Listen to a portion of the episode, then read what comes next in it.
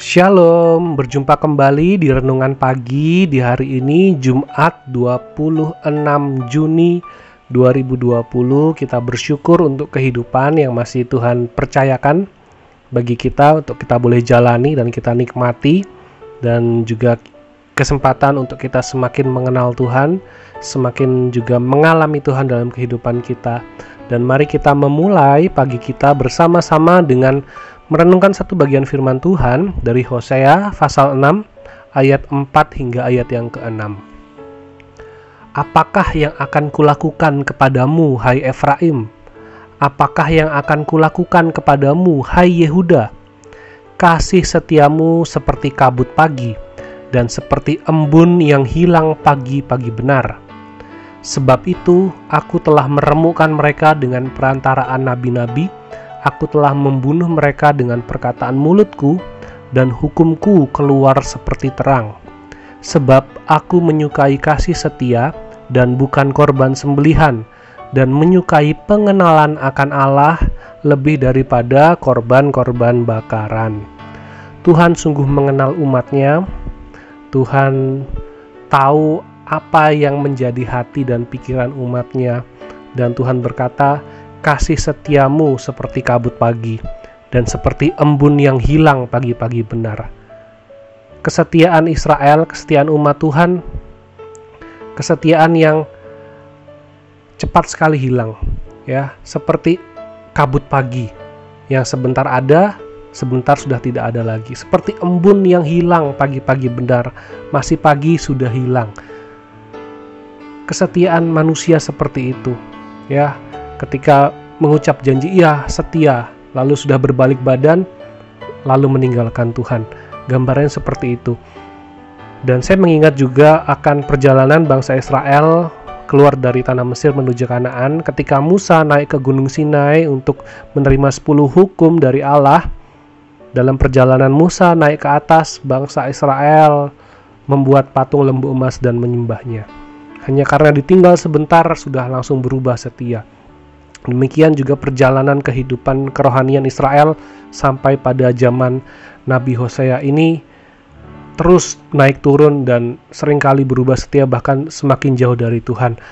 Tetapi Tuhan masih memegang perjanjiannya dengan Abraham, Tuhan tetap setia pada umatnya. Sebab itu, aku telah meremukkan mereka dengan perantaraan nabi-nabi, Aku telah membunuh mereka dengan perkataan mulutku, dan hukumku keluar seperti terang. Kenapa Tuhan memberikan hukuman kepada Israel? Karena Tuhan sudah memberikan firman-Nya, Tuhan sudah mengutus nabi-nabinya, tapi tidak ada perubahan hati, tidak ada perubahan sikap mereka dalam menjalani kehidupan, sehingga yang tersisa hanyalah hukuman Tuhan.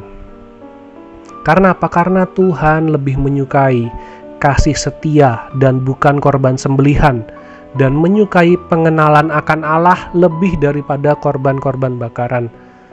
Artinya, kesetiaan kita lebih penting daripada korban-korban yang kita lakukan. Tanpa kesetiaan kepada Tuhan, korban-korban yang kita berikan, persembahan-persembahan yang kita berikan itu tidak ada artinya. Ingat persembahan Kain dan Habil, bukan karena persembahannya tidak diberikan. Kain memberikan persembahan, ya tetapi tidak mengenal Tuhan, tidak punya kesetiaan pada Tuhan. Umat Israel juga begitu. Mereka memberikan persembahan, mereka melakukan hukum-hukum Taurat dengan setia, tetapi mereka tidak setia pada Tuhan, mereka setia pada hukumnya. Mereka tidak mengenal Tuhan, mereka hanya mengenal hukumnya. Yang Tuhan inginkan adalah mengenal Tuhan sehingga bisa melakukan hukum itu dengan baik setia pada Tuhan sehingga bisa memberikan persembahan itu dengan baik. Yang terpenting adalah kita bukan hanya memberikan persembahan, tetapi Rasul Paulus menjelaskan dan menegaskan bahwa hidup kitalah yang harus kita persembahkan. Ya, dalam surat Roma pasal 12 ayat 1 Paulus juga menjelaskan bahwa persembahkanlah tubuhmu sebagai persembahan yang hidup, yang kudus, yang berkenan di hadapan Tuhan. Jadi persembahan itu bukan sekedar kita memberikan dari apa yang kita punya kita kasih ke gereja atau kita kasih ke uh, yayasan Kristen atau lembaga-lembaga sosial bukan hanya sebatas itu tetapi bagaimana kehidupan kita juga. Apakah kehidupan kita sudah mencerminkan bahwa kita adalah orang-orang yang sudah ditebus atau orang-orang yang adalah milik Allah apakah orang lain ketika melihat hidup kita mendengar perkataan kita apakah mereka melihat juga bahwa oh Ronald adalah pribadi yang sudah ditebus oleh Allah oh ini loh orang Kristen orang yang miliknya Tuhan. Apakah sudah seperti itu? Jangan sampai kita hanya memberikan persembahan lalu merasa, oh ya saya sudah berikan persembahan, saya sudah menjalankan kewajiban saya. Jadi saya sudah bebas sekarang mau melakukan apa pun. Tidak seperti itu. Yang Tuhan inginkan adalah kita sungguh-sungguh mengenal Tuhan. Kita sungguh-sungguh setia pada Tuhan. Untuk apa sih mengenal Tuhan? Supaya kita melihat bahwa Tuhan begitu baik, Tuhan begitu setia kepada kita yang tidak setia, bahwa kita adalah lemah, bahwa kita mudah goyah, kita mudah jatuh. Ketika melihat Allah yang besar, kita juga mengenal bahwa diri kita sama sekali tidak ada apa-apanya. Kita tidak ada yang bisa kita banggakan, sebab tidak ada yang cukup baik di hadapan Tuhan, karena semua manusia sama, semua manusia sudah berdosa sehingga ketika kita melihat Tuhan, kita mengenal Tuhan, kita juga mengenal diri kita, kita juga menyadari bahwa saya membutuhkan Tuhan. Karena Tuhanlah saya bisa menjalani kehidupan. Karena Tuhanlah saya bisa memberikan persembahan-persembahan. Karena Tuhanlah saya bisa melayani. Karena Tuhanlah saya bisa hidup dengan damai karena saya sudah menerima pengampunan dari Tuhan. Jadi semakin kita mengenal Tuhan, artinya kita semakin membutuhkan Tuhan, kita semakin rendah hati, kita semakin juga bisa melihat maksud dan tujuan Tuhan dalam kehidupan kita. Sebab tanpa Tuhan, tanpa mengenal Tuhan, yang ada hanyalah hukuman bagi kita. Ketika kita melihat firman Tuhan, melihat hidup kita, tentu yang ada bagi kita hanyalah hukuman-hukuman, tetapi kita melihat bahwa kasih Allah sungguh besar dalam kehidupan kita. Kita boleh menerima keselamatan dari Tuhan. Artinya kita tidak lagi dihukum, tetapi kita diberi kesempatan untuk mengenal Tuhan, untuk hidup di dalam kesetiaan kepada Tuhan. Dan itulah yang menjadikan kita bisa melakukan banyak hal karena Tuhan yang menguatkan kita, karena Tuhan yang memampukan kita. Filipi 4 ayat 13 katakan, Segala perkara dapat kutanggung di dalam Kristus yang memberi kekuatan pada kita. Kita bisa menjalani ini karena ada kekuatan dari Tuhan, ada hikmat dari Tuhan, ada penghiburan dan pertolongan dari Tuhan.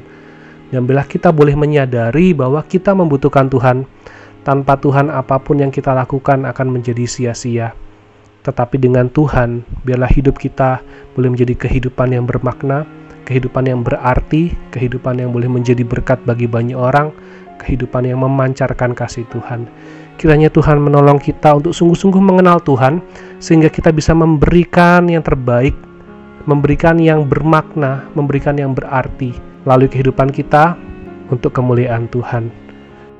Mari kita berdoa, Bapa di surga kami bersyukur dan terima kasih di pagi hari ini kami boleh melihat bahwa Engkau adalah Allah yang begitu besar, Allah yang setia, Allah yang tidak pernah meninggalkan kami, dan kami juga menemui bahwa diri kami begitu lemah, diri kami begitu mudah goyah, diri kami tidak berarti.